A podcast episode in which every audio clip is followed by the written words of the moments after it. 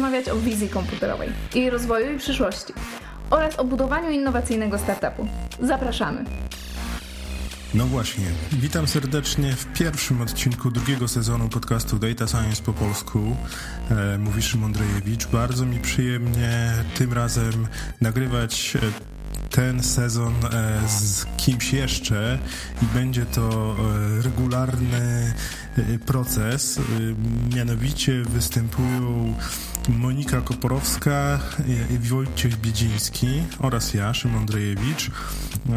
Jakiś czas temu zobaczyłem, że, że, że są dostępni w internecie, pojawiają się w internecie i pomyślałem sobie, że kurczę, trzeba łączyć siły, a nie dzielić. E, zaproponowałem współpracę. Wojtek i Monika przyjęli moją propozycję i oto nasze produkty. Zapraszamy.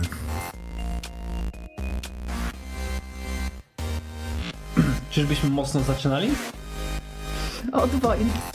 Od Zbyszka wojny. I wizji, czyli od wojny i wizji. Nie mylić z wizją wojny. No trochę wizji Zbyszka tam będzie. W każdym razie możemy sobie zadać pytanie, dlaczego temat wizji komputerowej jest taki ważny? Zacznijmy zatem od dość znanego powiedzenia, że obraz wyraża więcej niż tysiąc słów. A jak wiemy, słowa mają sens wtedy, kiedy je zinterpretujemy. Tak samo jest z obrazem. Warto zatem umieć go interpretować. I właśnie tym zajmuje się wizja komputerowa, czyli computer vision. Ekstraktuje wiedzę ze zdjęć. To dziedzina sztucznej inteligencji i informatyki, której celem jest dostarczenie komputerom wizualnego zrozumienia naszego świata. Mhm. Powszechność kamer, aparatów czy, czy jakichkolwiek urządzeń do uchwycenia obrazów w dzisiejszym świecie sprawia, że komunikacja wizualna i jej interpretacja nabiera coraz to większego znaczenia. Nie uważasz? A, tak, to prawda. Tym bardziej też malownicza historia Zbyszka z wizją komputerową jest bardzo ciekawa. O czym przegonacie się nasi drodzy odbiorcy słuchając wywiadu? Zbyszek studiował informatyką i matematyką na Uniwersytecie Warszawskim na Wydziale Matematyki, Informatyki i Mechaniki, nazywanym powszechnie MIM-em. Aktualnie kończy doktorat na University College of London, w skrócie UCL. Głównym obszarem zainteresowań Zbyszka jest wizja komputerowa. I to właśnie o jej wykorzystaniu będziemy dzisiaj rozmawiać. Zbyszek w swojej karierze pracował z zespołami DeepMind, Google Research i Facebook Research, a aktualnie jest współzałożycielem innowacyjnego startupu TensorFly, który na dzień dzisiejszy zajmuje mu najwięcej czasu. Zbyszek ma w swoim dorobku liczne publikacje naukowe z ponad tysiącem cytowań na koncie, co jest całkiem pokaźną sumą. No. Jedna z bardziej poczytnych publikacji odnosi się do Incepcji, najbardziej znanej i najbardziej wpływowej infrastruktury głębokich sieci neuronowych, której jest współautorem. Dziś nie zgłębimy się w ten temat, gdyż sam w sobie jest on obszerny i będzie raczej łatwiejszy do przyswojenia nie tylko z samą fonią, ale i wizją. Ale dajcie znać, czy chcielibyście usłyszeć więcej technicznych szczegółów od Zbyszka. Zobaczymy, co da się zrobić. Zanim przejdziemy do wywiadu, ogólna dygresja a propos języka używanego w naszym podcaście. Świat technologii operuje głównie na języku angielskim. Przez to ciężko unikać wtrąceń. Niektórych słów nie mamy tłumaczeń, niektórych mamy, ale po prostu ze względu na to, że używamy ich na co dzień, jest nam łatwiej zwłaszcza w rozmowie, która nie jest reżyserowana, użyć właśnie takiego słowa. Tak więc, e, drodzy puryści językowi słuchający naszych podcastów, bardzo prosimy o przymrużenie e, oka, czy może ucha. ucha brzmi lepiej. E, tak. Zatem posłuchajcie, co sam Zbyszek mówi o swojej pasji do computer vision, projektach badawczych w firmie i motywacjach. Wiesz, no siedzimy sobie rozmawiamy, tak? No dobrze, Zbyszek, to dziękuję Ci bardzo za zaproszenie do HubHubu. To jest całkiem przyjemnie. Zrobimy zdjęcia, żeby słuchacze też widzieli, jak nam to było przyjemnie. Powiem szczerze, takie ja mogę mieć. Tu huśtawka. No to na początek, Zbyszek, powiedz coś więcej naszym słuchaczom o sobie. Co Cię pasjonuje, kim jesteś, co robisz, gdzie przebywasz? Takie zawsze trudne pytanie, trochę tak go sobie. No, e, dobra, przebywam, e, tu łatwo powiedzieć, przede wszystkim w Londynie. Powiedziałbym około dwie trzecie miesiąca, dwa do trzech tygodni i resztę czasu jestem w Polsce albo na jakichś wyjazdach, konferencjach, spotkaniach e, służbowych, albo na po prostu prywatnych wycieczkach, ponieważ też, e, no pewnie jak wiele osób lubię podróżować. Czyli w kontekście pasji to raczej podróżowanie. Jeżeli chodzi o jakieś pasje, no wiadomo, że jestem dosyć takim ne, taką nerdową osobą. Jak ktoś ogląda Big Bang Theory, tak, tą teorię wielkiego podrywu serial, no to jakkolwiek e, mogę wydawać się normalny, to na pewno wpisuję się w tamte, e, w tamte e, w tamten... Teraz pytanie, czy bardziej Sheldon, czy, czy bardziej... E, Już nie będę odpowiadał. A powiedz nam, jak w ogóle zaczęła się Twoja przygoda właśnie z data science, machine learning, jak to się stało, że ta wizja komputerowa stała się Twoim takim głównym konikiem? Jeżeli chodzi o machine learning, to, to było dosyć raczej oczywiste i wydaje mi się, że dużo studentów na MIMie czy na innych uczelniach polskich i, i zagranicznych po prostu jak e, przychodzi przez studia, no to naturalnie interesuje się, się, się tym machine learningiem. No jest, jest to, to temat no, tyle ciekawy, że jak się poznaje te algorytmy, to nie jest to oczywiste, jak, jak to w ogóle jest możliwe, żeby te, te, te modele tak dobrze potrafiły działać, replikować jak, jakieś takie analizy, które człowiek potrafi wykonać. Więc e, wydaje mi się, że ogólnie jest takie zainteresowanie tym po prostu naturalnie dla osób, które są e, techniczne, żeby lepiej zrozumieć, poprawić e, i poprawiać takie modele, które potrafią replikować nas, ludzi. No więc jest taka chyba jakaś wewnętrzna motywacja, ponieważ wydaje mi się, że dosyć sporo osób było tym zainteresowanym, przynajmniej jak ja studiowałem. No pytanie jest, czy ktoś jest na tyle zainteresowany, żeby po prostu rzucić e, pracę, tak, no bo jak kończymy studia, no to jesteśmy w stanie dostać pracę jako, jako informatyk. Studenci nie mają tyle doświadczenia machine learningowego, żeby dostać e, pracę jako, jako właśnie badacz, data science, researcher, no więc muszą raczej iść na doktoraty, chociaż to się powoli zmienia, tak, to, że jakby coraz wcześniej się adaptujemy na studiach do, do tego machine learningu. Ja pracowałem w, w Microsoftie przez okres, kiedy robiłem studia magisterskie. To był taki moment, że po prostu pisałem egzamin przez Skype'a, więc e, taka, taka sytuacja się wydarzyła u nas na wydziale e, MIM na, na, na UW i e, bardzo to było pozytywne tak, dla mnie i, i doceniam, że, że profesorowie są bardzo otwarci. otwarci Super tak, wyjście do studenta. Mhm. Tak, tak, więc, więc po prostu byłem wtedy w Redmond w Stanach ale po prostu praca w Microsoftie wtedy, w tym projekcie nad Sequelager była kosmicznie nudna wbrew jakkolwiek może brzmieć praca w, w, w, takich korporacjach jak Google, Microsoft, Nvidia, to jednak no, trzeba sobie zdać sprawę, że jest mnóstwo produktów, które nie są a, aż tak ekscytujące, które po prostu wymagają a, no, takiej solidnej, inżynierskiej, powtarzalnej wręcz e, pracy. Ja się tam akurat zajmowałem właśnie automatyzacją budowy klastrów, zajmowałem się jakimiś problemami z maszynami, które jakby działają dla SQL Azure, no więc z mojego punktu widzenia było to bardzo nudne, tak? Oczywiście są osoby, które są e, zafascynowane bazami danych, no to było na pewno ciekawsze, ale, ale ja się nudziłem, więc jak tylko e, minął rok, kiedy już nie musiałem płacić kar za zerwanie kontraktu, to po prostu zakończyłem współpracę, dostałem ofertę na doktorat i wtedy też dostałem ofertę do Google, ale stwierdziłem, że wolę jednak iść na ten doktorat i no jest to z mojej perspektywy, jak ktoś by się kiedyś zastanawiał, na pewno bardzo dużo jest e, właśnie zdolnych osób, to mogłoby się zastanowić, czy warto iść na doktorat, może nie warto, a ja uważam, że warto, ponieważ z punktu widzenia, nie wiem, 80 lat życia, to, e, to jakby 3 lata czy 4 lata spędzone na uczelni w trochę innym środowisku, e, w środowisku naukowców, na konferencjach, na wyjazdach, poznając dużo szerzej jakby tematyki machine learningowe ogólne, no to jakby to z perspektywy życia jest chyba e, dużo cenniejsze niż 4 lata e, więcej po prostu zwykłej pracy. Do Twojego doktoratu jeszcze wrócimy, bo chcielibyśmy o nich też chwilę porozmawiać. To tak. w skrócie, jak się pracowało w Google, w Microsoft i w NVIDIA, czy czego tam się nauczyłeś, co Ci mogło przynieść benefity w tym, co aktualnie robisz? Znaczy, no, dla mnie te trzy firmy były bardzo różne, tak? Jeszcze w NVIDIA będąc na praktykach podczas studiów, no to e, zajmowałem się e, sterownikami e, dla, dla Macintosha i debugowaniem tych, tych sterowników dla Macintosha, no więc to było, znaczy było super doświadczenie, tak, wyjazd do Stanów, wyjazd do dużej korporacji, pierwszy, to był pierwszy mój, moje takie doświadczenie, więc no byłem po prostu zafascynowany tym. No jeżeli chodzi o taki właśnie software engineering, no to, no to, to, to było świetne doświadczenie. A potem, jeżeli chodzi o Microsoft, no to, no to również, tak, bo to już była praca full-time, więc byłem, powiedzmy, tej odpowiedzialności było więcej. No przy czym żadne z tych prac no, nie chciałbym robić przez całe życie, tak? No, to trzeba się zastanowić właśnie, gdzie, co, co, co się lubi robić. E, no i e, o ile doświadczenie było e, ciekawe, ile projekt na kilka miesięcy mi się podobał tu i tu, no to nie było to coś, gdzie chciałbym spędzić 5 lat debugując bity w jakichś tam ustawieniach kart graficznych albo debugując niedziałające ustawienia maszyny, tak, no to, to taka jest tutaj może moja perspektywa.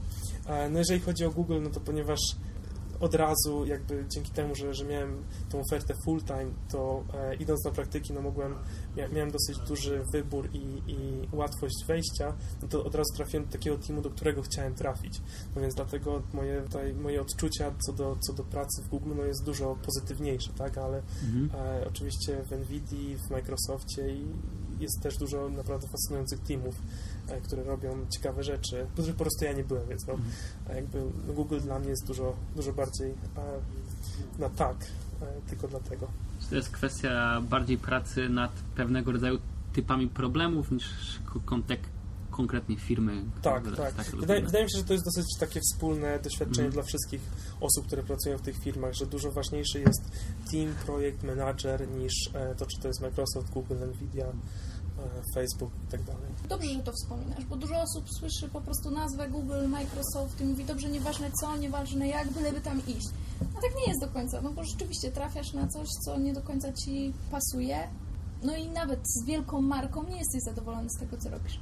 A powiedz coś więcej o tym zespole, do którego chciałeś się dostać w Google. No więc e, to było trochę takie strategiczne może zagranie, bo Oczywiście chciałem najbardziej się dostać do DeepMindu, tak, to sobie zaczynałem studia doktoranckie e, na UCL-u, to jest tam 5 minut do, do DeepMindu, DeepMind są stworzony jakby na UCL-u i w tym momencie, jak już zaczynałem studium, to DeepMind to, była, to, to było właśnie to miejsce, tak, zwłaszcza w Europie. No więc, no więc jakby każdy student gdzieś tam o tym marzył i ja byłem właśnie też jednym z takich studentów.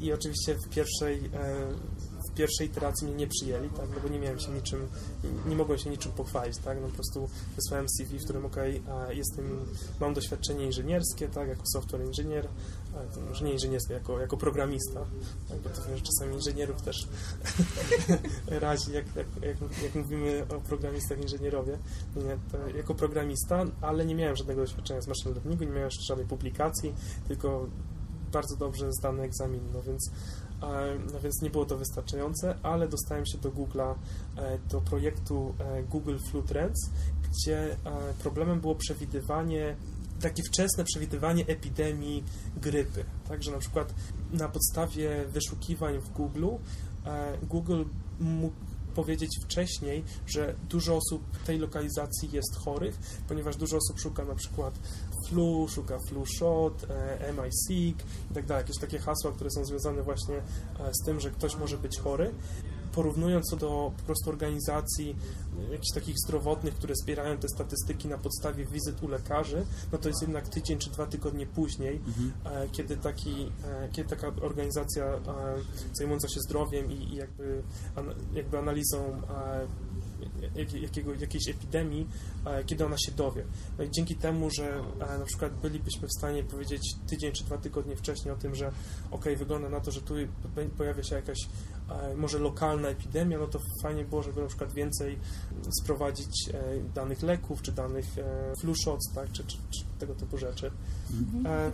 Przy czym... To oni, e, jakby to, na czym pracowałeś, to było sprawdzanie po wynikach wyszukiwania, tak? Bardziej i, i lokalizacji osób, które, które te frazy wpisywały do wyszukiwarki. Znaczy, to, to, jest tak, to był początek 2015 roku, Google Flood Trends działał już chyba od 2006 czy 2007, nawet mieli e, pa, pa, papier e, opublikowany w Nature, mhm. więc to było tak, że to nie, to nie był nowość, tak, że, że oni, oni próbują przewidywać e, właśnie takie nagłe wzrosty zachorowań, ale to, co, to czym ja się zajmowałem, to było jakby dodanie do modelu, który przewiduje czy, czy, czy właśnie teraz pojawia się epidemia, dodanie e, informacji pogodowej. Tak jakby tego, te, ta informacja pogodowa nie była wcześniej używana w tym, e, w tym modelu, no i chcieliśmy jakby zbadać i to mhm. właśnie to była tematyka moich, mo, moich, pra, moich praktyk tam, czy, czy może czy na przykład pogoda pomaga w, w przewidywaniu tego, tak? No bo oczywiście to jest, to, to jest jasne, że w zimę mamy więcej, e, więcej grypy, e, więc no to jakby samo, samo to, że jest po prostu zimno, no to może, może nie wystarczać, no ale wiemy, że wirus, e, wirus grypy jakby dłużej właśnie przeżywa w suchym środowisku. Jak, jak jest zima, tak naprawdę powietrze jest suchsze, dlatego jest większa szansa na to, że ten wirus grypy przetrwa i, i po prostu gdzieś tam dostanie się do organizmu. Widać właśnie, że ta jakby wilgotność, temperatura mają wpływ, ale co się okazało na podstawie przynajmniej no, tej analizy, nad którą ja pracowałem, że po prostu sygnał o pogodzie jest już tak silny w samych danych z Google Searcha, że jakby informacja pogodowa się nie przydaje. Tak, czy jak po prostu jak pada deszcz, no to jest dużo więcej po prostu wyszukiwań Google, bo ludzie nie, nie są na dworze, tylko no, nie wiem, korzystają z komputera. Jak jest, jak jest ciepło, jak jest zimno, jak pada, no to no, po prostu w tych zapytaniach jest już tyle informacji, że można przewidywać bardzo dobrze pogodę. Wraz z inną grupą współtworzyłeś pracę nad pierwszym modelem, który był w stanie przebić człowieka w rozpoznawaniu obrazu w takim konkursie, który nazywa się Imagine Net Challenge. I powiedz mi, jak się tobie pracowało z tymi ludźmi i w jaki sposób podchodziliście do tego prob- problemu, żeby takie rezultaty osiągnąć? Bo z tego, co mi się wydaje, popraw mnie, jeżeli się mylę, ale to było pierwsze takie wydarzenie w historii tego konkursu. Tak, mieliśmy pierwszy model, który jako single model, tak, czy jako jeden model działał lepiej niż e, e, opublikowana na Stanfordzie analiza, e, jak ludzie e, jak ludzie sobie dobrze radzą z ImageNetem. ImageNet to jest taki, e, powiedzmy, no był, tak? Był to taki, taki złoty, e, złoty graal dla wizji komputerowej, aby umieć dobrze zrozumieć to, co jest na zdjęciach.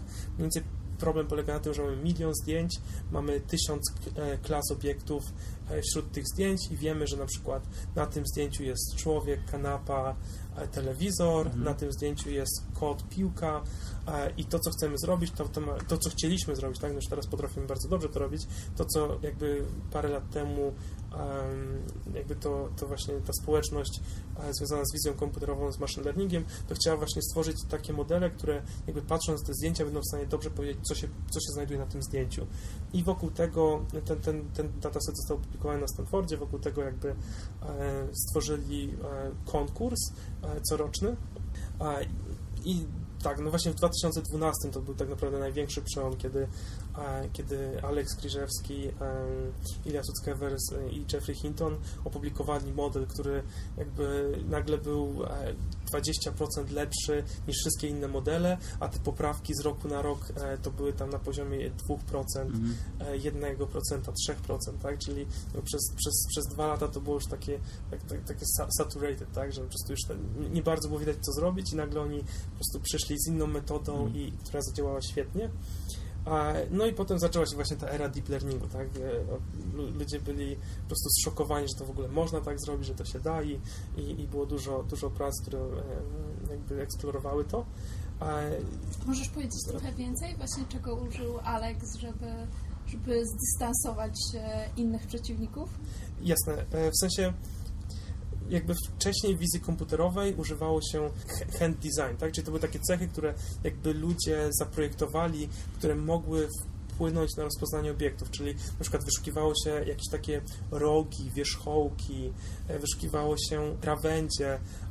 No, żeby tak łatwo to opisać, to można sobie wyobrazić tak zwany Gabor filter, czyli po prostu coś, co reaguje na krawędź, tak? Czy mamy powiedzmy reakcję na krawędź na 16, dla 16 różnych e, kierunków e, i jak zbieramy takie reakcje na właśnie takie, takie, takie krawędzie z kilku miejsc dookoła, no to możemy stwierdzić, że na przykład coś jest domem, jeżeli ma krawędź na dole, krawędź na lewo, na prawo i u góry jest krawędź takie, są dwie krawędzie jakieś takie e, skośne, tak? No to, to wtedy możemy stwierdzić, że okej, to jest dom.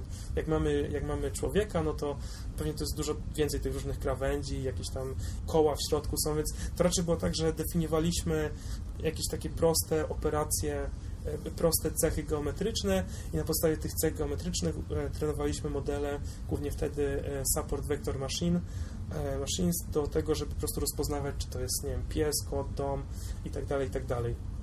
To, co jakby ta, ta trójka zmieniła, no to znaczy Jeffrey Hinton to zawsze jakby tą osobą, która reklamowała sieci neuronowe i oni wykorzystali e, konwolucyjne sieci neuronowe, które zostały wytrenowane na dwóch kartach graficznych. To też było takim dosyć, e, dosyć kluczem, żeby to zrobić szybko, ponieważ no jakby to trenowanie tej... Nie wiadomo, czy udałoby się to zrobić na CPU, tak? Że gdyby Mhm. to był tylko procesor, to, to prawdopodobnie oni nie, nie osiągnęliby takiego wyniku, ponieważ jakby za, zaimplementowali te modele na, na kartach graficznych, e, mieli jakby szybszy, szybszą możliwość iterowania modela, z modelami, pomysłami, to byli w stanie stworzyć właśnie tą głęboką sieć neuronową, a wtedy głęboką, no to, to było 7 warstw, 5 warstw konwolucyjnych, dwie warstwy liniowe, które były rozłożone na dwóch kartach graficznych. E, Teraz te cechy wewnątrz tej sieci były jakby samoistnie uczone, tak? czyli jakby każdy kanał w tej warstwie konwolucyjnej to jest, jest, jest jakimś featurem, który reaguje na pewne, pewne wejście, ponieważ one nie były e, jakby zaprojektowane przez człowieka, tylko one były uczone na zasadzie backpropagacji, e, no to one mo- mogły być dużo lepsze i dzięki temu właśnie przebili znacząco te wszystkie inne, e, inne zespoły. Tak? No to, to, to też ciekawe, co tam pamiętam Ilia wspomniał wiele razy, właśnie mieliśmy jakąś tam okazję porozmawiać e, chwilę z Ilią, to że jakby ten projekt, e, jak wiele projektów researchowych na początku wydają się e, albo niemożliwe, albo po prostu zaraz do zrobienia, jeżeli są niemożliwe, to czasem się okazuje, że się udaje, tak i na przykład ponoć niespecjalnie byli, byli zainteresowani tym projektem w ogóle na początku, trochę tak Jeffrey Hinton wpychał im ten projekt, bo, bo oni tak nie bardzo wierzyli, że to się może Mhm. udać, a, a no wiadomo, historia, jak, jak się potem okazało, że się udaje, no to jest, jest zupełnie inna, tak, nagle. I po prostu zmienili historię e, świata w jakimś tam stopniu. Zabawny przewrót, tak. Z niechcianego projektu doszło do historycznego wydarzenia. Nigdy nie wiadomo, na ile to było niechciane, tak, no ale na pewno w żartach tak to, tak to gdzieś tam opisu, opisywali. Można nabudować wokół tego ciekawą anegdotę. Ale, ale no mogę uwierzyć, że, że pewnie jak e, ktoś by mi wpychał w tym momencie, żebym e, na jakimś konkursie, e, który jest dosyć trudny, użył w ogóle jakiejś techniki, której nikt nie używa e, i po prostu niespecjalnie może nawet mnie to interesuje, no to mogę sobie wyobrazić, że, że, że na pewno była, był jakiś tam opór ze strony, ze strony studentów, tak? Przy no to byli studenci, którzy faktycznie faktycznie akurat pracowali z, z Hintonem już ileś lat i, i, i znali te sieci. Mhm. No jakby od, te, od, od tego momentu jakby wszystkie zastosowania w wizji komputerowej, znaczy wszystkie, no większość e, jakby modeli buduje się na zasadzie e, właśnie modeli konwolucyjnych, tak, czyli sieci neuronowych, które e, używają konwolucji, czyli takiej operacji, gdzie jakby już spróbujemy rozpoznać ten sam pattern w wielu miejscach Mhm. e, zdjęcia. Tak? Jakby cechą konwolucji to, że jest jakby translation invariant, tak? czyli jeżeli mamy e, kota na zdjęciu i ten kot będzie nagle w innym miejscu przesunięty, to ciągle dostaniemy e, taką samą aktywację, tylko przesuniętą. I to, to jest ta kluczowa cecha, cecha właśnie konwolucji, że one są jakby takie trochę niezależne, niezależne od miejsca, tak? Czyli jak są jakieś obiekty, to, to, to one są tak samo ważne, czy są na brzegu zdjęcia, czy w środku zdjęcia, co może dzisiaj wydaje się oczywiste, ale no, może kiedyś to nie było takie, to nie było pewne, czy to jest najlepsze podejście do po prostu zdjęć, tak? Bo można było myśleć, że okej, obiekty w centrum są, e, są istotniejsze. Wrócimy teraz trochę do Twojego doktoratu. Mhm. Twój główny obszar, nad którym pracujesz, to jest budowanie najnowocześniejszych rozwiązań problemów z machine vision na dużych zbiorach danych. I co mnie zaciekawiło, by móc później aplikować na mniejszych zbiorach danych, między innymi dane medyczne. Może wyjdźmy najpierw od tego, co nazywasz dużym zbiorem danych aktualnie, a co małym zbiorem. To nazywam dużym zbiorem, jeżeli przynajmniej ma 100 tysięcy zdjęć. Przy czym to taka była definicja bardziej z początków pewnie doktoratu. Teraz no już e, powiedzmy trenowanie modeli na 100 tysiącach zdjęć nie jest, nie jest jakimś tam wielkim przełomem, ale no powiedzmy tak, ja- tak, ta, ta, jakoś taki estymat może. A jaka liczba według Ciebie teraz określa duży zbiór? Myślę, że coś na poziomie pół miliona do miliona zdjęć to już jest, jest, jest to spory, tak? Raczej nie mamy aż tak... e, No oczywiście są zbiory, tak jak w, w Google 3, 3 miliardów zdjęć, jak to się nazywa JFT bodajże. Są, e, są duże zbiory danych związane właśnie... ImageNet jest sporym zbiorem danych, są z- duże zbiory danych związane z, ze scenami, e, rozpoznawaniem scen, ale jednak wciąż wiele e, algorytmów i problemów po prostu bada się na małych zbiorach po to, żeby można szybko było iterować pomysły, tak? A możesz nam powiedzieć troszeczkę więcej o tym, jak podchodzisz do, do takiego problemu właśnie, o którym Monika powiedziała, że trenuje swoje modele na ogromnych zestawach danych, a później taki wytrenowany model e, wykorzystujesz na mniejszych setach danych? Możesz troszeczkę więcej o tym powiedzieć? cel Tobie przyświeca? Oczywiście jest kilka kwestii, tak? No, pierwsza jest taka, że trudno się trenuje na dużych zbiorach danych, bo trzeba mieć dostęp do dużej liczby danych i do dużej mocy obliczeniowej. Ponieważ e, no ja wtedy współpracowałem z Googlem, to mogłem sobie na to pozwolić, e, żeby, żeby badać e, dosyć dokładnie modele, które, które powiedzmy trenowaliśmy na przykład na właśnie milionie zdjęć na ImageNecie, czy około milionie zdjęć na, do rozpoznawania nazw ulic, czy, czy na tych kilkuset e, tysiącach zdjęć do, do Coco, tak? Więc to było dużo prostsze, będąc, będąc w takim Google. E, natomiast jak się wyjdzie z Google'a, czy wyjdzie się z dużej firmy, no to e, no nie ma szans na takie dokładne przebadanie różnych wariantów tych modeli w środowisku naukowym, tak? bo raczej doktorant ma dostęp do jednej, do kilku kart graficznych, a to czasem jest e, i tak czasem jest już, e, jest już sukces dla doktoranta, jak może używać na przykład czterech kart graficznych. No więc e, jeżeli teraz będziemy mieli modele, które które wiemy, że są świetnie zoptymalizowane na, jakiś, na, na, jakimś dużym zbiorze danych, to widzimy w praktyce, że one bardzo dobrze się transferują do mniejszych problemów. Na przykład e, trenujemy na internecie model, który był wytrenowany na milionie zdjęć e, i, i, wyszukujemy najlepszych hiperparametrów, potem e, bierzemy ten model i go fine-tunujemy na jakimś, na jakimś małym zbiorze, na przykład na przykład do tego, żeby rozpoznawać rak piersi, tak? I tam którejś tam iteracji modelu, na przykład mieliśmy już około 10 tysięcy zdjęć e, z takim przypadkiem, gdzie, gdzie, gdzie było widać raka piersi. No więc przejście z miliona do 10 tysięcy no jest możliwe na pewno dzięki temu e, transferowaniu tej wiedzy, która jest jakby wytrenowana wcześniej, mimo że ona pochodzi z zupełnie innej domeny. Tak, ze zdjęć naturalnych przechodzimy do zdjęć do, do właśnie radiogramów. A myślisz, że właśnie dzięki transfer learning wizja komputerowa ma potencjał też wejść do mniejszych firm?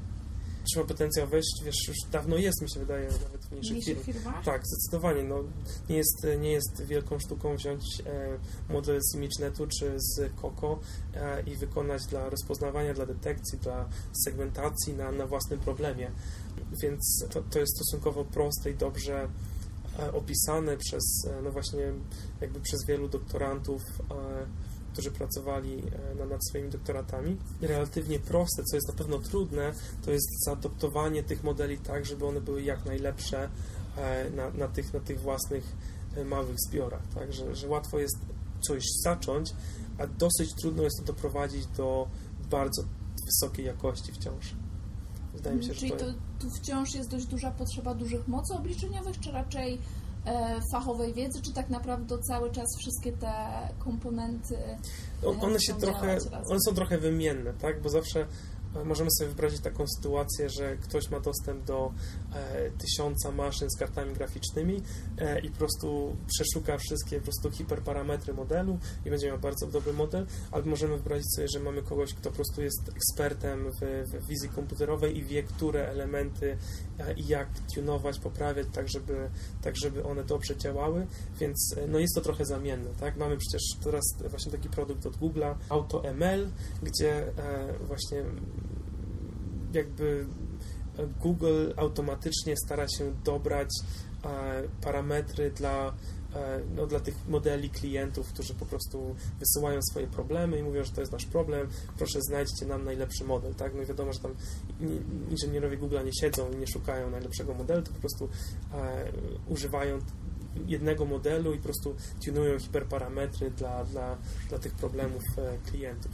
Tak? I to, to wtedy nie wymaga jakby takiej właśnie E, wiedzy eksperckiej, która jest trudna do replikowania, e, no bo tych ekspertów nie ma aż tak dużo. Od dużych firm do mniejszych firm przez Twój doktorat e, powoli dochodzimy do tego, że masz swoją firmę. Firma się nazywa Tenson Flight i takich ciekawostek możemy powiedzieć, że wygrała w plebiscycie Capgemini Innovators Race 50 była druga. Tak? Była druga, okej. Okay. To nie wygrała, była druga, ale to i tak siak chyba dość duży sukces. No jest, to było z, z kilkuset firm, więc... E, okej. Okay. Przypomniemy tylko, że... Y, Podkreślmy, że to jest tak. na cały świat, naprawdę najbardziej innowacyjne startupy na świecie. Ja myślę, że musimy się chwalić, że tutaj w Polsce mamy twórców, którzy tworzą takie startupy, które są doceniane na światowym poziomie. Myślę, że za rzadko o tym mówimy głośno. E, Dodatkowo ostatnio na konferencji wspomniane przez Łuk- Łukasza Kilińskiego, który e, na Stanfordzie siedzi blisko, blisko tego całego środowiska jest, że, że dużym echem się obiliście po, po Dolinie Krzemowej. Tak na samym początku, co to jest za rozwi- ro- rozwiązanie, skąd pomysł i jak do tego doszliście? To, to jest jakby, jakby dostarczanie informacji e, ubezpieczycielom i reubezpieczycielom o budynkach. Mhm. No tutaj kluczem jest właśnie to, żeby to była e, informacja w dużej skali, czyli jakby jak, mieć jak największe pokrycie wszystkich budynków e, Mhm. e, w Stanach, w Europie, docelowo na świecie. E, Ubezpieczyciele i ubezpieczyciele wbrew pozorom wcale nie mają tak dokładnej informacji o tym, co oni ubezpieczają. Zwłaszcza reubezpieczyciele, którzy zajmują się katas- ryzykiem katastroficznym, więc ten zbiór cech, które wpływają na to ryzyko jest trochę inny niż reubezpieczyciele. Brokerzy nie zbierają tych cech często, więc jakby oni nie mają pojęcia, czy, e, czy ten budynek na przykład jest drewniany czy ceglany w strefie e, huraganów, a to ma ogromne znaczenie, ogromny wpływ na to, jakie są szanse, że ten budynek zostanie zniszczony podczas huraganu, bo budynki drewniane mają, no, są dużo słabsze e, i, i właśnie tornada i huragany niszczą je dużo łatwiej. Budynki ceglane i, i, i, i betonowe oczywiście mogą wytrzymać dłużej. Z drugiej strony, jak, jest, jak, jak pomyślimy o Kalifornii, gdzie jakby trzęsienia ziemi są w takim porządku dziennym, to tam, ponieważ drewno jest elastyczne, to, to, to budynki drewniane są dużo bezpieczniejsze.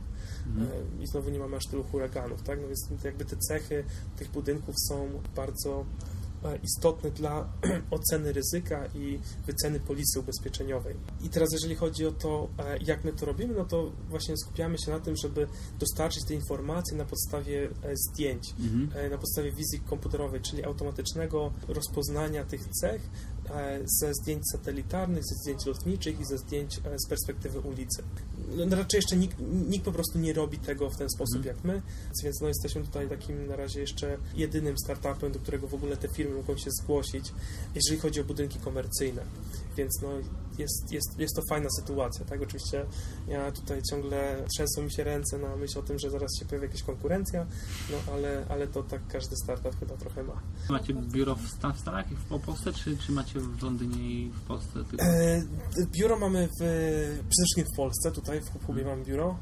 Przy czym pracujemy dosyć zdalnie. Znaczy, jest Robert, który jest w Stanach, gdzie jest nasz headquarter, ale to jest tak naprawdę tylko Robert i on utrzymuje kontakt e, z tymi inwestorami, którzy w nas zainwestowali w Dolinie Krzemowej, no i przede wszystkim z klientami z, ze Stanów, tak, że jak, jak się trzeba spotkać, no to zawsze San Francisco czy Dolina Krzemowa, no to jest jednym z tych miejsc, gdzie można się spotkać i on tam jest.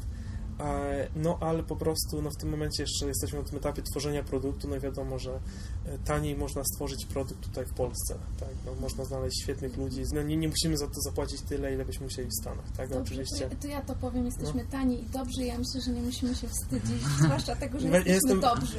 No nie, no, oczywiście jesteśmy bardzo dumni z tego, że jesteśmy dobrzy, no, jesteśmy prawie że najlepsi, ale, e, ale właśnie to nie jest fajne, że jesteśmy tani. E, No i chcielibyśmy to zmieniać, tak? No ale to jednak faktycznie trzeba startować zawsze. No i większość startupów jednak tak, startupów jednak tak robi, że gdzieś zaczyna e, poza Doliną Krzemową. Zaczyna się w Brazylii, na Ukrainie, w Indiach. E, Także część biznesowa jest gdzieś tam w Dolinie Krzemowej, a część deweloperska jest poza no to jednak jest dosyć standardowa praktyka. Dopiero potem, jak już ten, ten, ten model biznesowy się jakby wyklaruje, jak ten startup zacznie działać, to wtedy jakby no faktycznie można być konkurencyjnym wszędzie cenowo i tutaj nawet w Dolinie Krzemowej. Więc Czyli Dolina Krzemowa to głównie wizerunek. to głównie kontakt z biznesem i z inwestorami. Naj- Najlepsi inwestorzy są w Dolinie Krzemowej, tak? Najlepsi w takim sensie, że o najłatwiej ich e, znaleźć, e, są otwarci na ryzyko. Bardzo widać różnicę pomiędzy inwestorami tutaj. E, no, rozmawialiśmy z dwoma inwestorami w Polsce, co było powiedzmy z naszego punktu widzenia totalną klapą, jeżeli chodzi o e, jakieś tam negocjacje i, i sens. E, z inwestorami w Londynie to ja rozmawiałem dosyć sporo i jest ta awersja jednak wciąż w Europie do takich zupełnie em, powiedzmy ryzykownych produktów, które jeszcze nic nie zarobiły, a, a ale mają duży potencjał, tak, że no jednak europejscy inwestorzy preferują jednak wcześniejszy jakiś tam cash flow, a inwestorzy w Stanach są gotowi podjąć to ryzyko jeszcze na tym wcześniejszym etapie, kiedy no, nie musimy e, mieć żadnego e, dochodu, ale, ale no, jest dobry pomysł i jest szansa, żeby po prostu zbudować coś dużego e, wcześniej, tak? No bo jakby no to jest produkt, który nie jest w stanie zarabiać od dnia numer jeden. A nie, w sumie pewnie dużo jest takich produktów. Chyba większość teraz, która jednak machine learning zaczyna. Tak, no trzeba albo, albo można zarabiać od dnia zero na jakichś takich prostych pomysłach, gdzie no, stara się to sprzedać do, do powiedzmy takiej gdzie, gdzie jest to konsumerski, ko- konsumencki produkt, tak, na przykład jakieś, no, ja, ja bardzo lubię ten przykład Grammarly, uważam, że to jest świetny, świetny produkt, chociaż to nie wiadomo, nie, nie znam historii, ale no właśnie to, że ktoś się zaloguje i po prostu sprawdzi sobie tekst, no to to jest taki pro, prosty produkt, gdzie na pewno znajdzie się jakichś zainteresowanych osób, które zapłacą kilka dolarów, tak, no i można stworzyć ten cashflow. My też mieliśmy taki mały cashflow, gdzie na największym serwisie dronowym na początku um, udostępnialiśmy nasze algorytmy po to, żeby one anal- analizowały te zdjęcia e, sklejone, tak zwane autoryfikowane ze zdjęć e, z lotu drona. E, no i też nam płacili jakieś tam dolary za to ci użytkownicy, no ale jakby ilość tych map i ilość zainteresowanych użytkowników, którzy chcą płacić duże pieniądze, no była po prostu niewystarczająca, żeby jakkolwiek zrobić z tego biznes. A jak chce się zrobić, e, no najlepsze biznesy to jednak są B2B, tak, czyli staramy się sprzedać coś do korporacji, do, do, do, do firm, tak jest łatwiej. No i te wymagają jednak zbudowania wcześniej produktu, no bo korporacje nie chcą e, jakby aż tak współpracować z zupełnie e, nie, niestworzonymi produktami. Czyli zali- zaczynaliście od jakiegoś MVP, tak, dla korporacji? Zaczynaliśmy od takiego produktu, który był dla konsumentów. E, To był pierwszy pomysł. Jakby no, byliśmy technicznymi osobami, które e, po prostu stwierdziły, że chciałyby zrobić biznes w tej, w tej biznesowej części. Naprawdę można dużo lepiej to e, ogarniać. No i po, pomysł był taki, że jakby jest serwis dronowy, Drone Deploy, który jest jakby największym takim marketplacem dla aplikacji dronowych, czyli dla jakichś takich aplikacji, które coś robią z dronem, tak? Na przykład mogą, możemy kupić aplikację i tam na przykład e, ta aplikacja będzie sama sterowała lotem, żeby ten lot był jakiś, tak? Albo możemy kupić aplikację, dron poleci nam, e, zrobi model 3D e, na przykład jakiegoś otoczenia w okolicy, tak? Albo nasza aplikacja polegała na tym, że dron obleci teren i przeliczy e, obiekty w okolicy, tak? No i to głównie, e, mogę tutaj tak trochę śmiesznie powiedzieć, że na początku chcieliśmy po prostu liczyć świnie, kury, kurczaki, krowy i drzewa, tak? No taki był pomysł, ponieważ e, jest jakieś tam zastosowanie, że e, no po pierwsze e, właściciele lasów chcą wiedzieć na przykład ile mają drzew, jakiej jakości, czy na przykład rozłożenie tych drzew jest optymalne, bo na przykład jeżeli jest za mała gęstość drzew, no to wiadomo, można zasadzić więcej, a jak jest za duża gęstość drzew, to te drzewa zaczynają konkurować o, Mhm. e, o, o Zasoby. więc jest jakaś tam optymalna liczba dla per, per kilometr kwadratowy, ile warto by mieć tych drzew, tak, jakaś tam gęstość. No ale oczywiście takich e, użytkowników e, no, jest bardzo mało, tak, którzy będą gotowi płacić e, jakieś sensowne sumy. Natomiast zaczęliśmy patrzeć również na audyt. E, Firmy audytowe muszą sprawdzać, czy, czy farmerzy, czy właściciele właśnie jakichś tam farm, które produkują zwierzęta na mięso, no ile powiedzmy mają tych krów, ile mają kurczaków, no i te, te liczby są czasem duże, tak, tutaj mówimy o liczbach rzędu, nie wiem, 100 tysięcy krów, e, tak, czy 100 tysięcy właśnie sztuk bydła, e, 100 tysięcy kurczaków, no i to już, e, to już ciężko się liczy ręcznie, tak, no to wymaga jednak e, jakiejś tam silnej woli, żeby siedzieć i patrzeć i liczyć te kurczaki.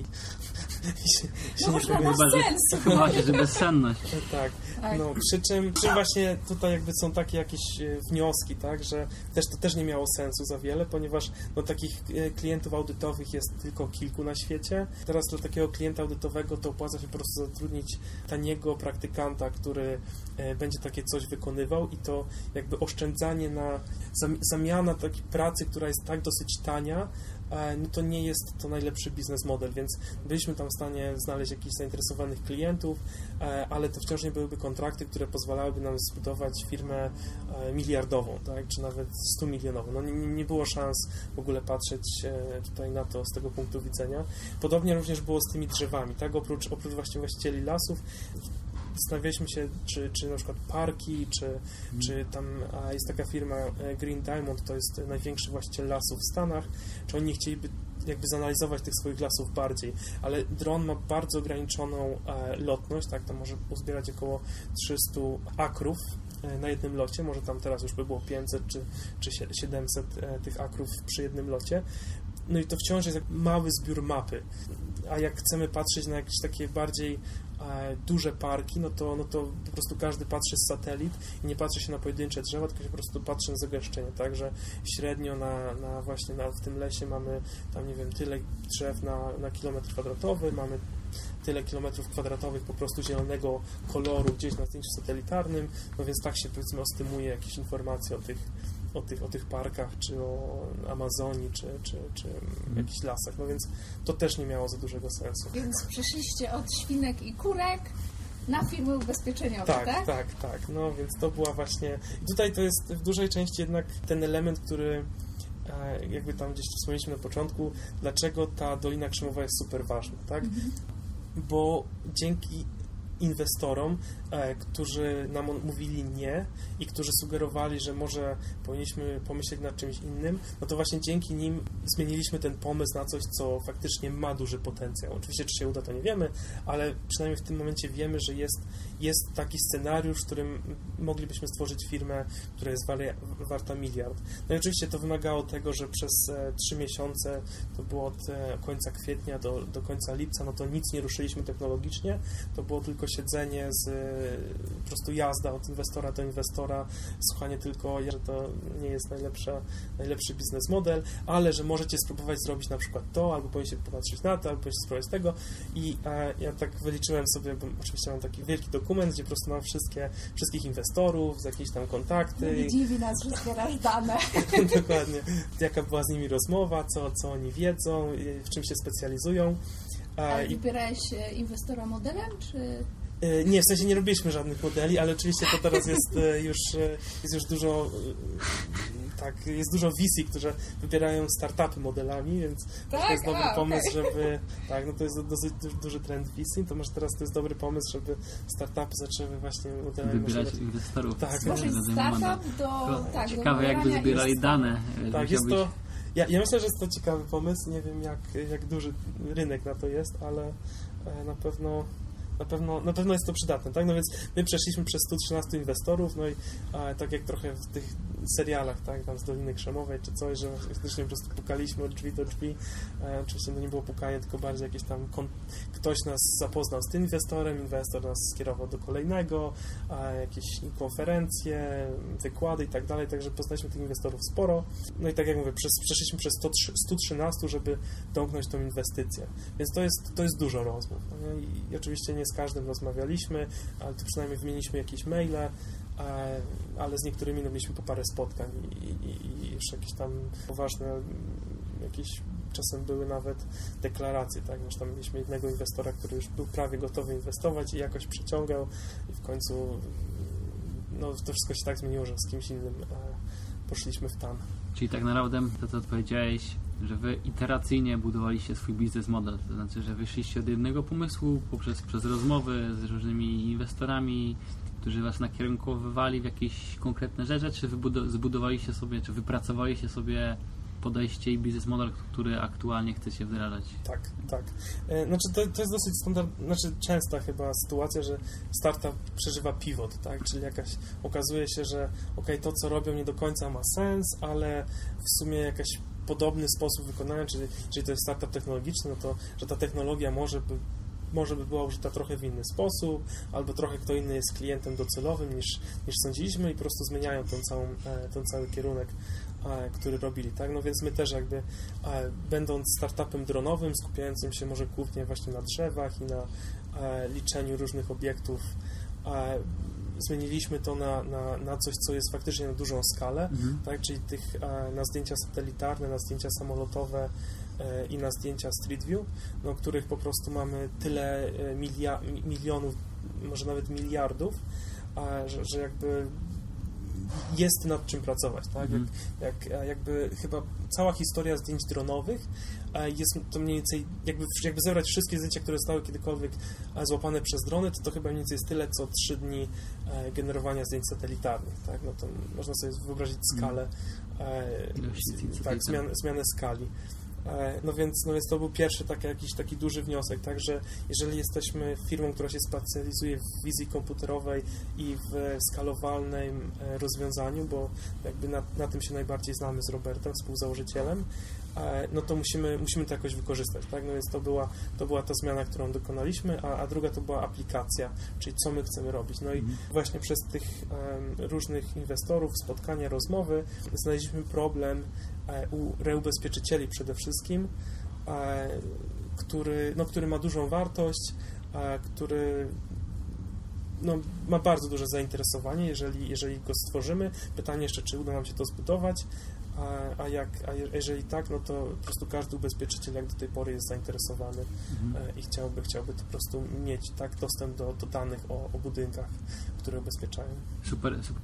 W sumie takie połączone pytanie. Po pierwsze, w jaki sposób zbieracie te dane, w sensie, czy są jakieś biblioteki, a drugie, taka historyjka, wyobraźmy sobie, że jestem ubezpieczycielem, mam firmę ubezpieczeniową, przychodzę do Ciebie i mówię, ok, chcę dowiedzieć się o budynku ABCD zlokalizowanym tu, tu i tu, Mhm. takich, a nie innych informacji i, i jak ten proces wygląda. Czy, czy ja Ci muszę dostarczyć na przykład zdjęcia albo sam zrobić i wy, wy, wy wykrywacie te obiekty, kalkulujecie, automatycznie je zapisujecie, czy, czy sa, sami macie zdjęcia? Jesteśmy jak najwygodniejsi dla klienta, więc Mhm. tak naprawdę my się martwimy o to, żeby te zdjęcia skądś gdzieś znaleźć, więc my Mhm. kupujemy tak naprawdę te zdjęcia i e, taki klient, e, czyli ubezpieczyciel, jak do nas przychodzi, no to e, albo nam wysyła po prostu w jakimś baczu e, zbiór adresów, albo jeżeli jest zainteresowany w ten sposób, to e, łączy się przez, e, przez API i Mhm. automatycznie e, wypytuje o konkretne adresy i teraz dla danego adresu my kontaktujemy się z naszymi partnerami automatycznie i ścią- ściągamy zdjęcia z tych właśnie różnych e, perspektyw, e, analizujemy je i e, potem zwracamy e, wyniki, czyli jak cechy tych e, posiadłości, tak, tych, tych, tych budynków, e, żeby oni mogli e, lepiej poznać. Mhm. Tak, no i jeżeli na przykład właśnie tutaj wspomniałem o tym, o tym typie konstrukcji, jeżeli, jeżeli przeniesiemy się właśnie do Polski, to w Polsce takim najważniejszą cechą jest na przykład em, łatwopalność dachu. To, to jakby nie mamy tutaj za dużo problemu z trzęsieniami ziemi, oczywiście też mamy problem z huraganami, e, więc, e, więc jakby dach jest takim e, na pewno jednym z najbardziej interesujących e, feature'ów, które polskie firmy ubezpieczeniowe rozważają Mhm. e, przy, przy wycenie polisy. A czy firmy same właśnie podają na co najbardziej zwrócić uwagę, czy gdzieś tam już Wasza wiedza, doświadczenie, staracie się zgłębić, w którym kraju właśnie ubezpieczyciel, z tego co mówisz, e, na co zwraca najbardziej uwagę? w sensie, no już jakby spędziliśmy ileś set godzin rozmawiając z potencjalnymi e, klientami e, i, partnerami, więc jakby już jakieś tam zrozumienie rynku mamy. Oczywiście nikt z nas nie jest ekspertem w tej dziedzinie e, ubezpieczeń, ale w początku oczywiście zaczęło się od tego, że po prostu badaliśmy problem i i wy- wypytywaliśmy. Teraz, teraz proponujemy i potwierdzamy, czy brakuje czegoś jeszcze w tej naszej liście cech, które, które oni mogliby chcieć poznać. Mówiłeś o ubezpieczycielach i Reubezpieczycielach. reubezpieczycielach, tak? Y, Czyli rozumiem, że reubezpieczyciele to jest, posiadają oni największy procent udziału wśród waszych klientów, tak? Znaczy, klientów to jest dużo powiedziane, ponieważ my wciąż budujemy technologię, więc Mhm. tych klientów jeszcze stricte nie mamy. Natomiast jesteśmy na etapie pilotów Mhm. e, i negocjacji z e, negocjacji kontraktów już takich pełnych. E, przede wszystkim najbardziej interesujące to jest dla reubezpieczycieli. Okej. Reubezpieczyciel dostaje takie jedno zapytanie, jeden taki quote badge e, na poziomie powiedzmy 100 tysięcy budynków naraz. E, Tak jak my, jako pojedyncza osoba wysłała zapytanie do brokera o, e, o, o, o swoją posiadłość, tak ubezpieczyciele czy brokerzy wysyłają zapytanie dla całego swojego portfolia do reubezpieczyciela. Okej. No on teraz nie ma szans w żaden jakby manualnie zrozumieć tych budynków, e, bo po prostu jest ich za dużo, więc tutaj jest jakby ta największa wartość, że my możemy automatycznie przeanalizować e, naraz na przykład 100 tysięcy 100 tysięcy adresów i wtedy powiedzieć jakieś takie zagregowane albo per budynek statystyki, e, informacje o tym budynku i wtedy oni mogą jakby lepiej, dokładniej wyliczyć tą, tą wycenę polisy. Tak. A widzisz zastosowanie tej technologii wśród innych dzie- dziedzin biznesu? E, tak, przy czym no, jest to trochę, nie jest to jakiś em, pewnie pierwszy krok, ale no przede wszystkim banki mogą być zainteresowane informacją o, pod względem takim kredytowym i, Mhm. i właśnie hipotek. Dwa to po prostu by lepsza ocena jakby budynku może, może świadczyć tych cech może świadczyć e, znacząco o, o samej cenie budynku, tak? Mhm. No i cena budynku, no to już jest skorelowana z, z właśnie innymi wieloma e, rzeczami, tak? Że wiemy, jaki, jaki może rodzaj osoby mieszka w tym miejscu, jakbyśmy nie wiem, chcieli targetować czy jakieś reklamy, czy e, na przykład oceniać ryzyko kredytowe, czy Mhm. na przykład oceniać ryzyko em, samochodowe na podstawie, na podstawie miejsca zamieszkania danej osoby. No ale to jest, to jest powiedzmy trochę takie naokoło, więc, więc e, pewnie nie byłoby aż tak łatwo do, do wdrożenia.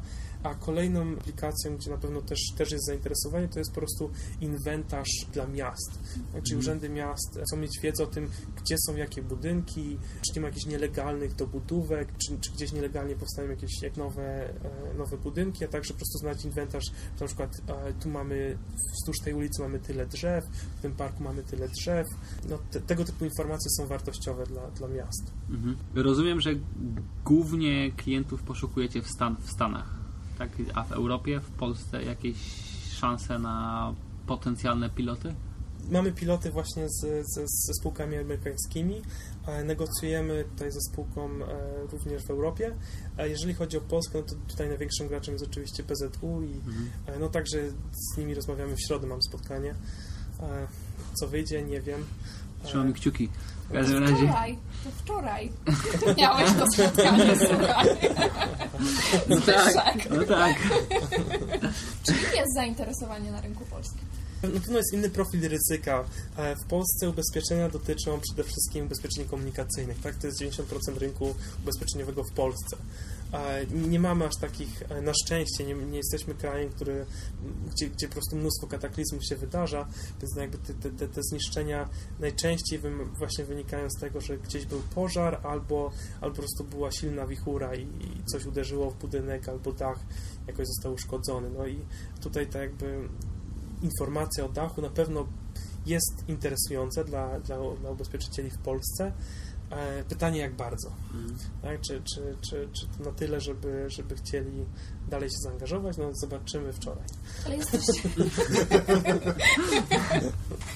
Czy to nie jest problem e, zdobyć zdjęcia satelitarne? Zastanawiam się, czy jesteście ograniczeni właśnie pozyskiwaniem e, danych, czy to Was jakoś ogranicza obszarowo, czy raczej jesteście w stanie, że tak powiem, jeśli nie ma aktualnie tych danych, to e, za, specyfikacji- pewną daniną e, je otrzyma. W specyfikacji waszego produktu gdzieś czytałem, że, że macie różne częstotliwości update'u tych informacji w zależności od regionu, tak? Tak.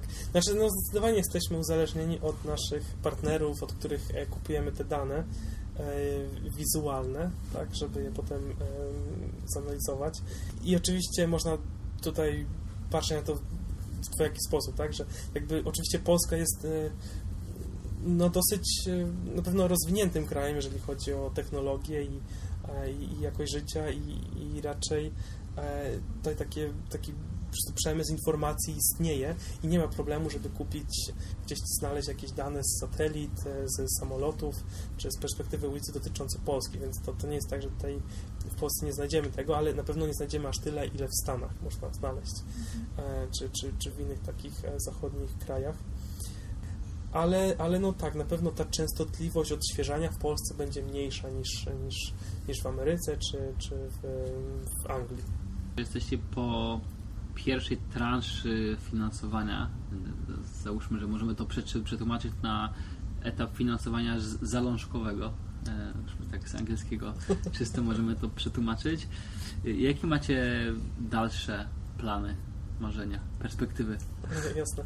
Em, Tak naprawdę to, to były w sumie dwie rundy. Tak? Jedna to jest tak zwana akceleracyjna, kiedy, kiedy tak naprawdę firma e, dopiero powstaje i, i dołącza do jakiegoś programu, który prowadzi. My dołączyliśmy do programu e, w Stanach i, i, i tam mieliśmy jakąś, taką właśnie pierwszą, pierwsze finansowanie takie akceleracyjne, a potem się małego, mały, małe finansowanie zalążkowe.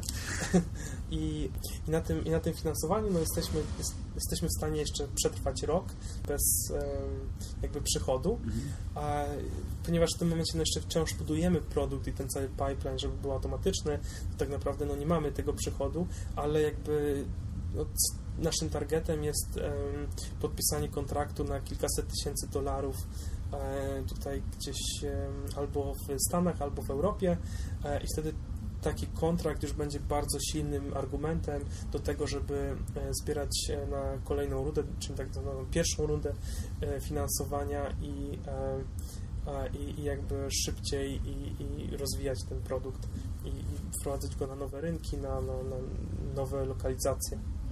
To jesteśmy na, na etapie tworzenia produktu, to nie jest akceleracja. Akceleracja będzie w momencie, jak już będziemy mieli produkt, będziemy chcieli jakby sz- szybciej go sprzedawać, tak? Mhm. Jeżeli, jeżeli dojdziemy do tego etapu, że faktycznie e, ma, jakby to już działa i mamy pierwszych klientów, no to wtedy e, moglibyśmy wtedy trwać, tak? I jakby pewnie finansować siebie z, z samych kontraktów, ale wtedy właśnie po prostu bierze się kolejną rundę finansowania po to, żeby to szybciej rosło i, i jakby, żeby zdobyć rynek, no bo wtedy jest ryzyko, że e, ktoś inny zrozumie ten problem i, i po prostu go będzie chciał skopiować. Kiedy przewidujecie go live pierwszego pilota?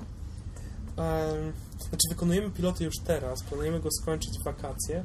Skończenie pilota będzie mniej więcej polegało na tym, że po prostu jesteśmy w stanie od A do Z przeprowadzić taką automatyczną e, analizę, czyli dostajemy adres, e, a na, e, a na końcu po prostu ktoś dostaje feature'y, żadnej istoty ludzkiej w tym procesie analizy tej, tej, tej, tych danych, Mhm. tak.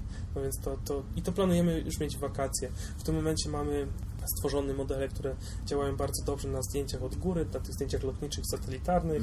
E, Mamy e, zbudowany cały frontend do anotacji e, danych w bardzo wygodny sposób, do tego, żeby zbudować zbiory treningowe, żeby trenować te modele automatycznie, które jednocześnie patrzą właśnie na, na widok z góry, na widok z boku, spod kąta, także to, to, to jest bardzo przydatne. Teraz dopiero jakby zbieramy te, te, te anotacje, no i w ciągu kilku miesięcy będziemy w stanie trenować już modele, a jak już będą wytrenowane modele, to, to, to, to jest jakby taka tylko taka prosta praca, którą trzeba wykonać, żeby to wszystko było po prostu zgrane i zautomatyzowane. Mhm. Że to już nie będzie jakimś wielkim wyzwaniem.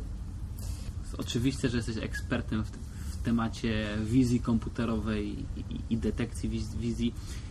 Mógłbyś nam przedstawić swoje przewidywania, w jakim kierunku ten cały obszar będzie się, się, się rozwijał? Już nie, nie mówię tutaj konkretnie o, o TensorFly, ale, ale w ogóle, jak ta cała machina, w którym kierunku będzie się rozwijała. Mhm. E, No na pewno teraz jest bardzo dużo researchu w Generative, Adversarial Networks, czyli żeby modele były bezpiecznie stosowane, to musimy być pewni, że nie będzie można ich łatwo oszukać, tak? Mhm. Można sobie wyobrazić zastosowanie, kiedy identyfikujemy osobę po, e, po, po, po źrenicy czy po odcisku palcu, jak się upewnić na to, że nikt nas nie podszyje, e, nikt nie będzie w stanie oszukać tego modelu. Zwłaszcza to jest, to jest ważne przy samojeżdżących samochodach, e, no, które są tak naprawdę chyba największym biznesem e, wokół, wokół wizji komputerowej. Po samojeżdżących samochodach pewnie drugim największym takim biznesem no to, no to jest e, radiologii, tak? czyli Mhm. właśnie ten e, wszystko, co się, ty, się tyczy jakby analizy zdjęć medycznych e, i, i, i automatyzacji tego. Więc właśnie takie, takie inne problemy, które się pojawiają przy, przy, przy zdjęciach medycznych, to jest to, żeby analizować zdjęcia 3D, Mhm. w sensie zwykłe zdjęcie no to będzie kilka megabajtów, tak, a takie zdjęcie medyczne to może mieć kilka gigabajtów. Jak podejść do, do tworzenia modelu, który działa na czymś, na czymś tak ogromnym. E, Kolejna rzecz no to jest analiza zdjęć dużych, tak, czyli to, to na pewno my mamy ten problem tutaj przy, przy zdjęciach satelitarnych, ale również właśnie w zdjęciach medycznych się pojawia to, że, że te zdjęcia są dosyć dużej dokładności. Przy mamogramach e, to na przykład jest coś, co się nazywa microcalcification, czyli są takie białe plamki, które są Mhm. wielkości kilku pikseli które wpływają na to, że, że lekarz decyduje, że to jednak jest e, rak, a nie, a nie zdrowa osoba. A takie kilka pikseli znajduje się na zdjęciu wielkości 4000 na 4000, więc no, możecie sobie zobaczyć, że to jest 0,00001% całego zdjęcia. I jak, jak stworzyć modele, które no, są w stanie analizować takie e, takie duże zdjęcia. Tak? Na razie to są, to głównie pracujemy z tymi modelami deep learningowymi na czymś, co jest wielkości 256 na 256, 512 na 512, 1000 na 1000 rozdzielczości. E, Dalej na pewno e, kwantyfikacja modeli, czyli jakby zmniejszanie ich e, pojemności, zmniejszanie czasu wykonania. To jest na pewno kolejny, kolejna duża działka.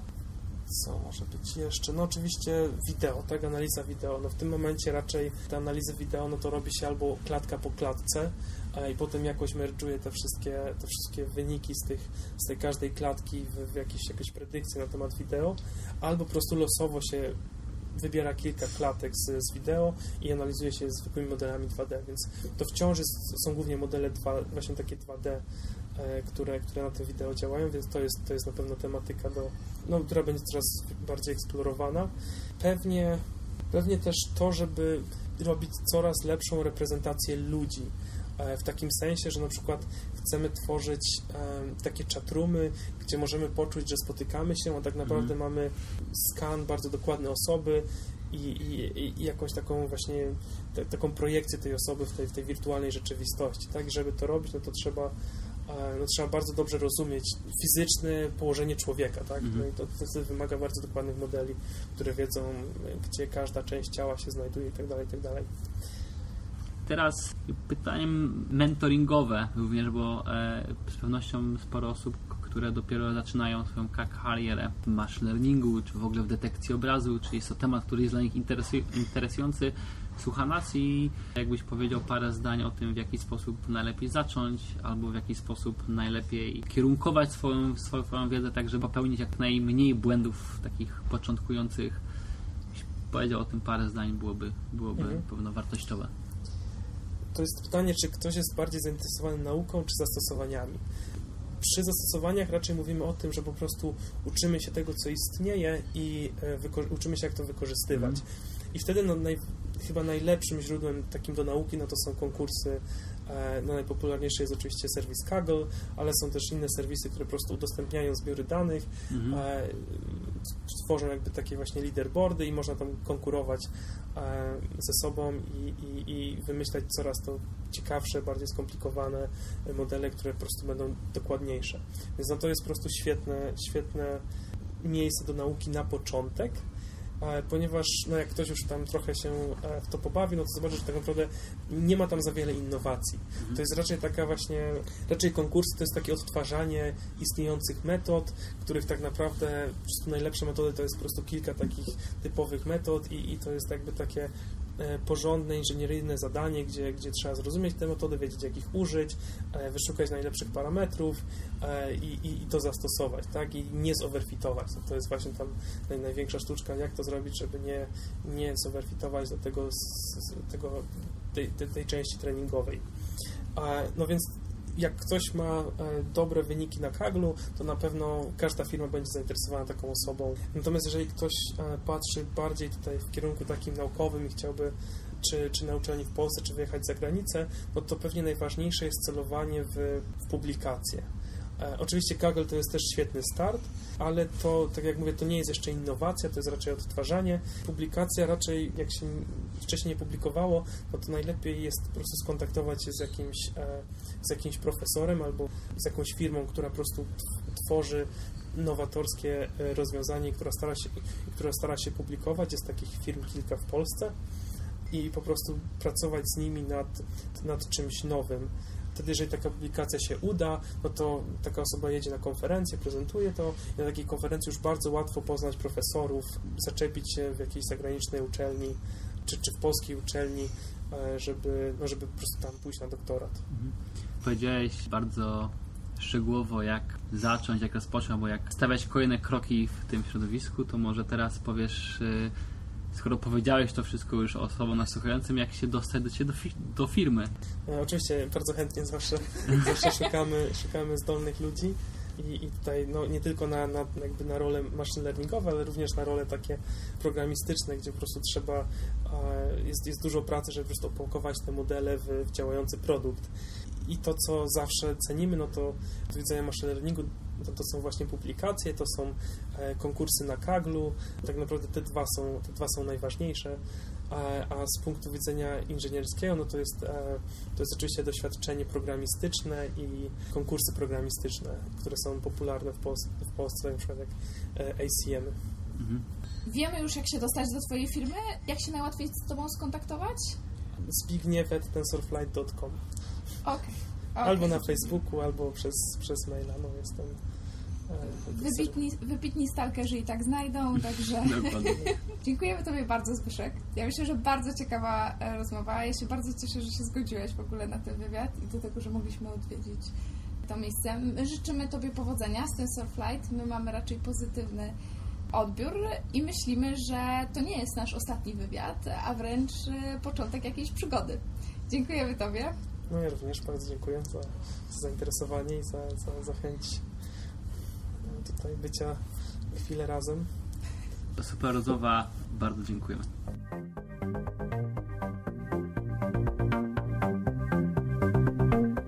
Tak sobie myślę, że za kilka lat jak otworzymy jeden z poczytnych, e, jedną z poczytnych gazet technologicznych, biznesowych, z pewnością znajdziemy tam historię Zbyszka i TensorFly. E, I może nawet bardziej obszerny wywiad niż ten, który my właśnie zrobiliśmy.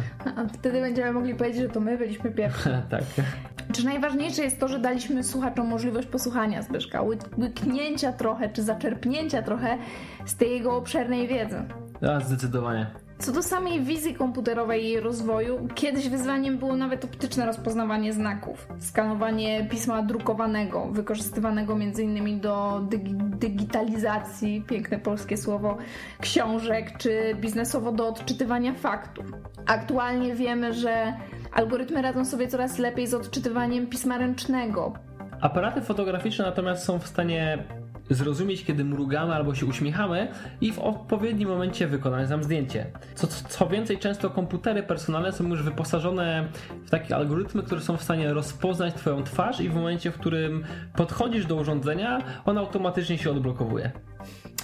Sprawdziłam, że najgorzej działa to o 6 rano, ale to, co mnie jeszcze cieszy, że nie są one wy, wy, wyposażone w komentarz, bo wtedy zapewne słyszałabym coś w stylu o Boże, zrób coś z tą twarzą. Choć jeszcze nie tak popularne, ale rozwijające się mocno z roku na rok są smart glasses, czyli inteligentne okulary. Google i Intel mają już swoje produkty w tej technologii, które potrafią rozpoznawać obraz, który widzimy i na przykład przeczytać sobie historię na dany temat, e, na przykład obrazu lub pomnika, na którego patrzymy, na który patrzymy. E, Ja czytałam ostatnio również o wykorzystaniu transfer learning e, wizji komputerowej do przeprowadzania inwentaryzacji sklepowych, co może mieć ogromny potencjał nawet przy mniejszych sklepach i odciążyć pracowników z ogromu manualnej pracy. Hmm, Tak, tak. Jeżeli chodzi o rozrywkę, to computer vision jest używane m.in. w przemyśle filmowym przy tworzeniu efektów specjalnych. Przemyśle gier komputerowych wizja komputerowa jest również używana, chociażby za pomocą urządzenia Kinect, które, z, z którym jesteśmy w stanie się komunikować za pomocą ruszania, ruszania ręką lub ruszania nogami. Myślę, że to wykorzystanie ma też duży potencjał zawojowania rynkiem fitness. E, Patrząc na to, że coraz więcej mamy tych artykułów związanych z fitness, z którymi możesz ćwiczyć w domu, takie urządzenia rozpoznające, jak wykonujesz dane ćwiczenia, są w stanie korygować to, jak robisz ćwiczenia. E, W polskiej wersji językowej myślę, że będziemy słyszeć e, głosem Ewy Chodakowskiej: podnieś wyżej nogę, wyprostuj się, możesz, jedziesz więcej, mocniej, wejdziesz w te nowe dżinsy. Tak, łączy się to bardzo mocno ze sportem, gdzie wizja komputerowa jest również używana. Na przykład do trakowania zawodników i rysowania linii, mm, w którym poruszali się po boisku, albo zaznaczania za pomocą hitmapy obszaru, w którym zawodnik, e, chociażby w piłce nożnej, przebywał większość, me- większość meczu. Dodatkowo wizja komputerowa pozwala na analizowanie rozgrywki oraz ocenę jakości danego zagrania. Ja wrócę też trochę do zastosowań społecznych. Wizja komputerowa pozwala pilnować bezpieczeństwa w miejscach publicznych, na przykład na stacjach kolejowych. Jest w stanie za pomocą obrazów z kamer wychwytywać anomalie w zachowaniach osób tam przebywających. I oczywiście wspomnę też o według mnie najpiękniejszych zastosowaniach, czyli tych troszczących się o nasze zdrowie, o których już też rozmawialiśmy z Zbyszkiem, więc nie będę tu szerzej op- opisywać, ale chodzi oczywiście o zastosowania medyczne. W ostatnim czasie najgłośniejsze użycie wizji komputerowej jest w obszarze samochodów autonomicznych. I tu warto wspomnieć o tym, że w poniedziałek Andrew Ng, który jest prezesem firmy Drive.ai, zakomunikował publicznie, że mm, ta firma rozpoczyna testy w Teksasie I co ciekawe, każdy z mieszkańców, czy każdy z użytkowników, który tylko i wyłącznie za, zainstaluje na swoim telefonie odpowiednią aplikację, będzie mógł w pełni skorzystać z takiego rozwiązania. Przyznam bardzo szczerze, że jako niekwestionowany mistrz kierownicy yy, czekam, y, aż autonomiczne samochody zaleją nasze ulice. Zbyszek wspomniał też o GAN, czyli Generative Adversarial Network, które ucząc się na danych treningowych potrafią wygenerować próbki wyglądające jak rzeczywiste dane. Ja sama miałam problem z odróżnieniem prawdziwego obrazu Van Gogha z obrazem wygenerowanym. E, Jan Lekun nazywa GAN jedną z najbardziej interesujących idei w ostatnich 10 latach e, machine learningu. Z ciekawostek, GAN był użyty również w jednym z projektów do nauczenia się stylu ubioru i był w stanie generować nowe ubrania pasujące do gustu danej osoby, co daje dość ciekawe zastosowania dla branży modowej. Tak, moglibyśmy tak wymieniać i wymieniać. W każdym razie spektrum zastosowań wizji komputerowej jest ogromne. Do tego nieustannie powstają nowe projekty, pomysły badań, gdzie jeszcze wizja komputerowa może pomóc czy zmienić zasady gry. Będziemy na pewno śledzić rozwój startupu Zbyszka, jak i samego Computer Vision. Jak już wspomnieliśmy na początku, dajcie znać, czy chcielibyście posłuchać więcej o wizji komputerowej i jakie zagadnienia są dla Was najbardziej interesujące. Zachęcamy Was do zajrzenia w notatki z materiałami na stronie dataevangelists.ai. Znajdziecie tam informacje i linki, o których wspomnieliśmy podczas nagrania oraz inne, które pomogą Wam zgłębić się w dziedzinę wizji komputerowej. Jestem ciekawa, jakie wy, drodzy słuchacze, znacie najciekawsze zastosowania Computer Vision? Albo gdzie według was jest największy potencjał do wykorzystania tej technologii? Piszcie, dzielcie się z nami waszą opinią. No i oczywiście dzięki za wysłuchanie naszej rozmowy o obrazach. Rozmowa o obrazach, to wymaga wyobraźni, co nie? Zdecydowanie. Dzięki i do usłyszenia. Cześć.